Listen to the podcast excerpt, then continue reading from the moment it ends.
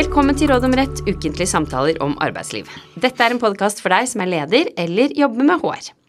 Siri Falk Olsen og jeg er advokater og partnere i advokatfirmaet Reder, og sitter her som vanlig og skal dele noen arbeidsrettslige problemstillinger med dere.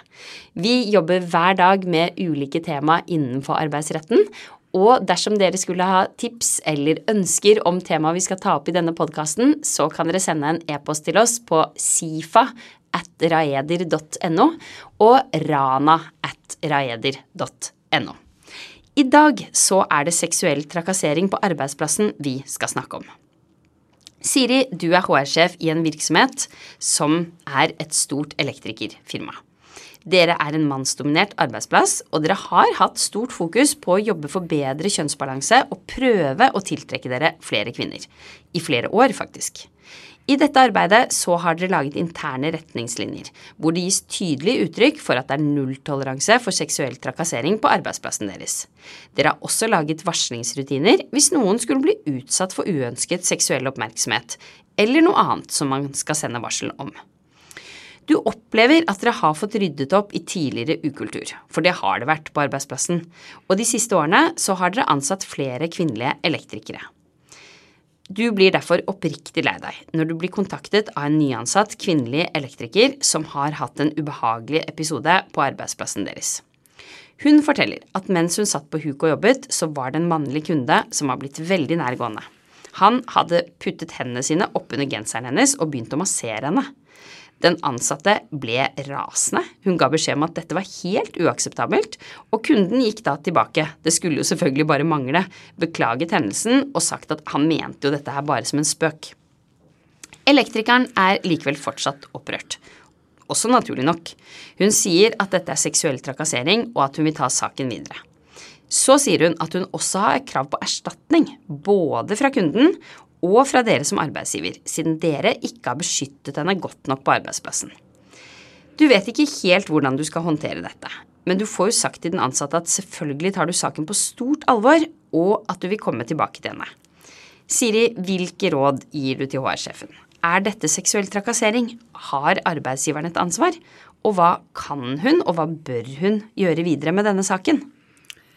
Først av alt så vil den meldingen som HR-sjefen her har fått, det vil være et varsel etter arbeidsmiljølovens varslingsregler. Eh, disse reglene det er tema i en egen episode, så vi skal ikke ha fokus på varslingsreglene i denne episoden.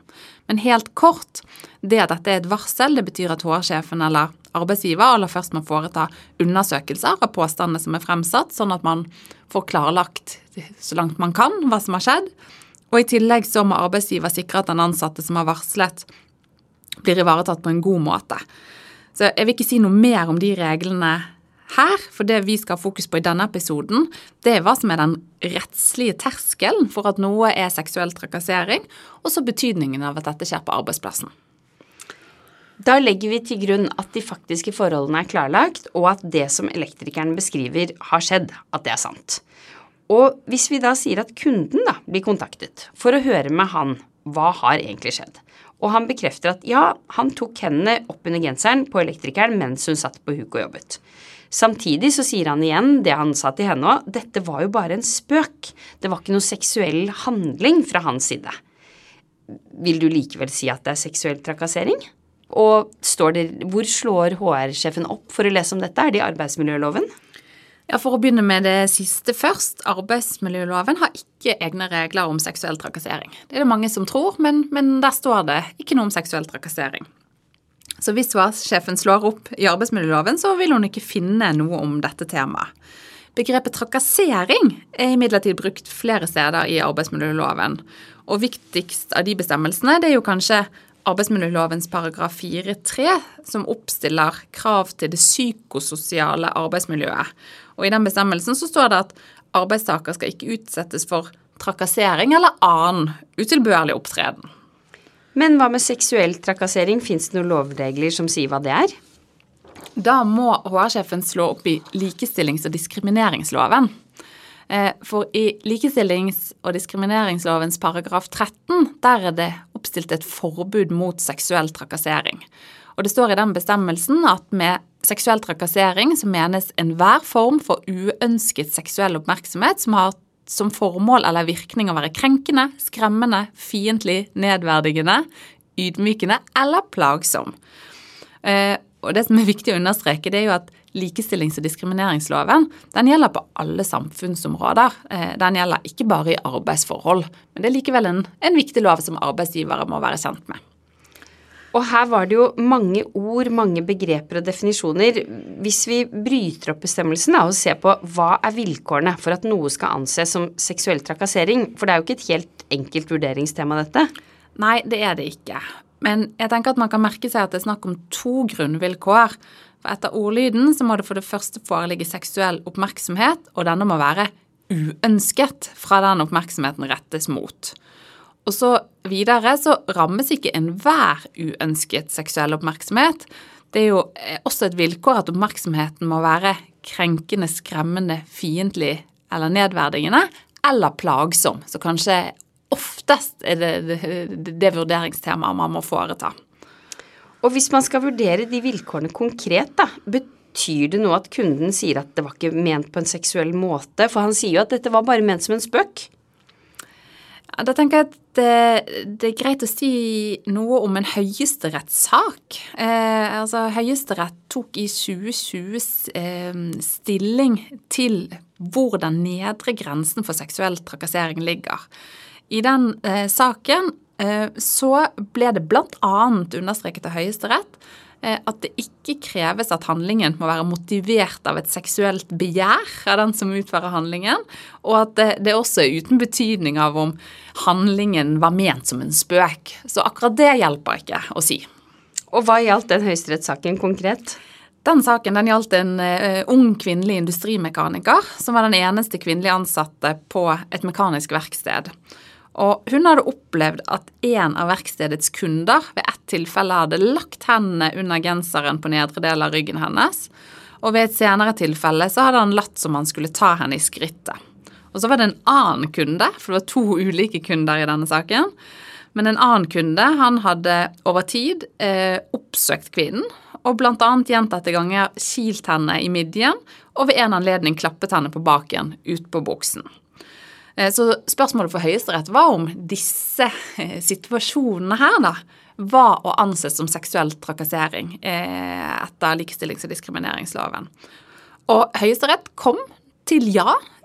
Begge kundene hadde utsatt denne kvinnen for seksuell trakassering, og tok med dette da på et vis stilling til hva som er den nedre grensen for at noe skal anses som seksuell trakassering etter likestillings- og diskrimineringsloven. Og den saken du snakker om nå, den er jo ikke helt ulik caset vårt. Så betyr det at elektrikeren i vårt tilfelle også da er blitt utsatt for seksuell trakassering? Det er i hvert fall mye som tyder på det, for det er jo ganske mye her som er likt med denne høyesterettssaken. Eh, samtidig så er det veldig viktig å understreke at det alltid må foretas en veldig sånn konkret vurdering av hendelsen, konteksten, eh, hvordan det skjedde. Forskjellen på den høyesterettssaken jeg snakket om, var jo at kunden der både hadde tatt eh, den ansatte under genseren og ved en anledning latt som han skulle ta henne i skrittet. Og Høyesterett kom da samlet, altså til at disse hendelsene samlet, det var seksuell trakassering. Men basert på de momentene som Høyesterett trekker opp i denne saken i 2020, så tenker jeg eh, eh, at det er mye som taler for at det denne elektrikeren har opplevd i vårt case, at det må anses som seksuell trakassering.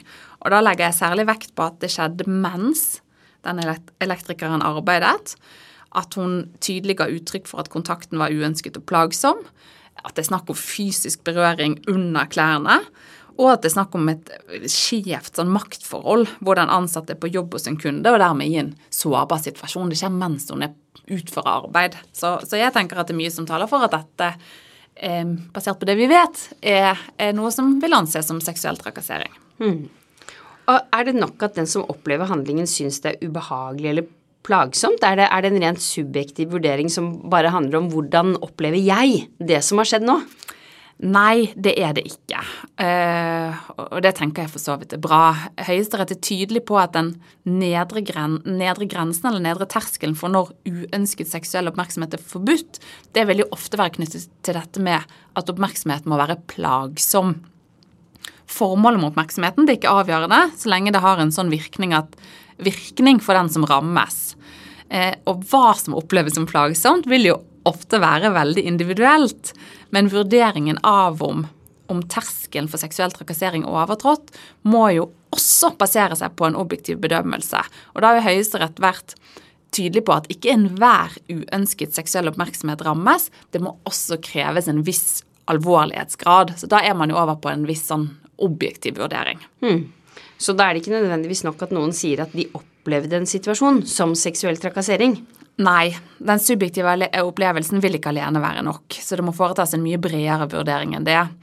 Og Der viser forarbeidene til likestillings- og diskrimineringsloven til at viktige momenter i den vurderingen, det vil jo være opplevelsen av oppmerksomheten, eh, om den har hatt negative konsekvenser av fysisk, psykisk eller arbeidsmessig art, eh, oppmerksomhetens karakter og under hvilke omstendigheter det har skjedd, tid og sted, og ikke minst om denne oppmerksomheten har pågått over tid.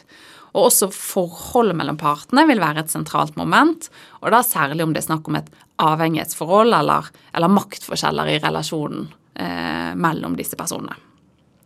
Så da kan jo en og samme handling være seksuell trakassering i én kontekst, men ikke i en annen. F.eks. hvis det er noen som blir utsatt for et hva skal vi si, mer eller mindre vellykket sjekketriks på en fest. da så må det vurderes annerledes enn hvor akkurat det samme skjer, men hvor det da er en kunde på jobb som gjør det. Ja, det er helt klart riktig.